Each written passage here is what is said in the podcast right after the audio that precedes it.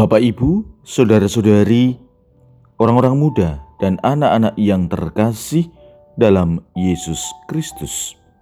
Selamat pagi, salam bahagia, dan salam seroja untuk kita semua berkah dalam. Bersama dengan saya, Romantonius Garbito Pambuaji, menyampaikan salam dan berkat Allah yang Maha Kuasa dalam nama Bapa dan Putra dan Roh Kudus. Amin.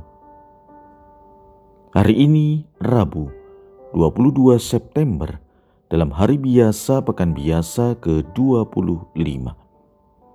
Bacaan pertama dalam liturgi hari ini diambil dari kitab Ezra bab 9 ayat 5 sampai dengan 9. Bacaan Injil diambil dari Injil Lukas bab 9 ayat 1 sampai dengan 6.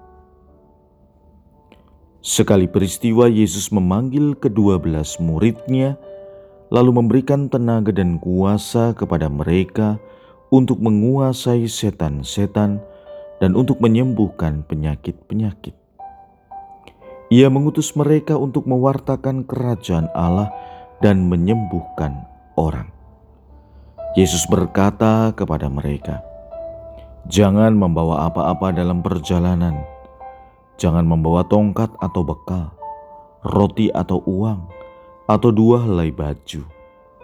Apabila kalian diterima di suatu rumah, tinggallah di situ sampai kalian berangkat dari situ. Dan kalau ada orang yang tidak mau menerima kalian, keluarlah dari kota mereka dan kebaskanlah debunya dari kakimu sebagai peringatan terhadap mereka. Lalu Pergilah mereka dan menjelajah segala desa sambil memberitakan Injil serta menyembuhkan orang sakit di segala tempat. Demikianlah sabda Tuhan. Terpujilah Kristus. Yesus memilih rekan-rekan kerjanya untuk dapat meneruskan dan mewujudkan visi misinya, yaitu mewartakan kerajaan Allah dan menyelamatkan manusia. Kedua belas rasul yang dipilih oleh Tuhan Yesus ini, seperti kita ketahui, bukan berasal dari manusia luar biasa mereka adalah pribadi-pribadi yang biasa-biasa saja, tetapi menjadi luar biasa karena mereka mendapatkan kuasa dari Tuhan Yesus. Kuasa ini jelas adalah untuk menyembuhkan segala penyakit dan mengusir setan-setan. Selain memberikan kuasa kepada mereka, Yesus pun juga menyampaikan beberapa larangan di mana mereka tidak boleh membawa tongkat atau bekal, roti atau uang, serta baju lebih dari satu.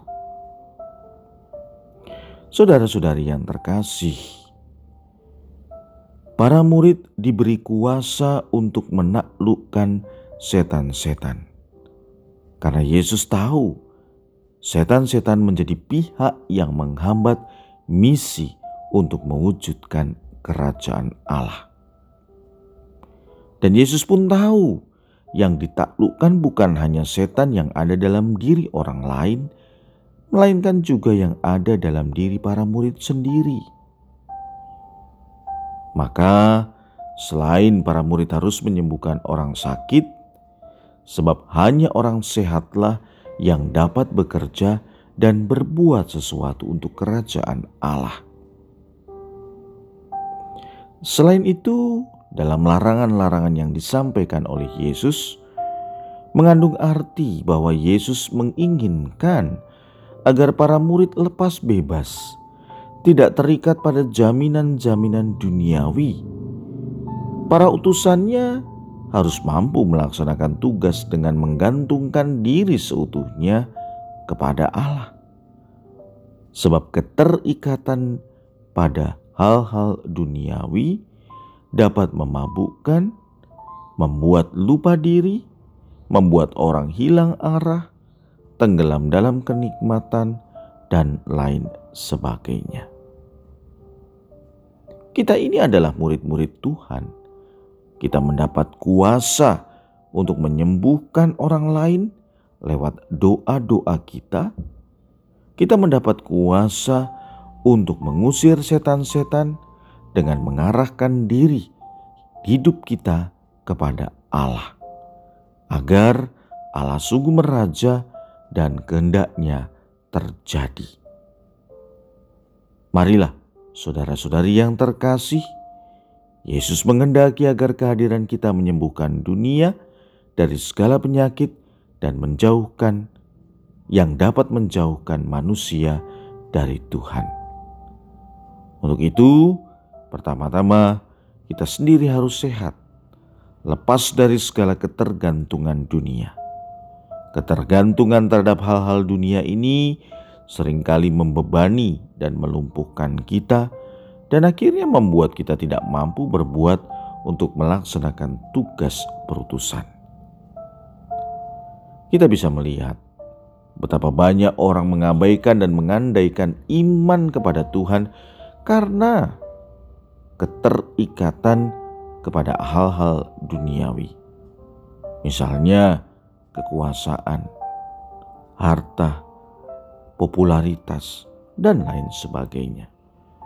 Kecenderungan-kecenderungan macam ini yang dikehendaki oleh Yesus agar dikuasai.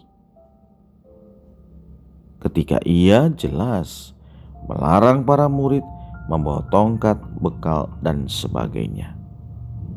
Mari kita menjadi pribadi lepas bebas pribadi yang senantiasa mengarahkan diri dan bergantung kepada Allah. Marilah berdoa. Bapa, berkatilah kami dalam perutusan yang kami jalankan. Semoga kami menjadi pribadi-pribadi yang setia dan teguh, serta bergantung sepenuhnya kepadamu. Berkat Allah yang Maha Kuasa, dalam nama Bapa dan Putra dan Roh Kudus. Amin.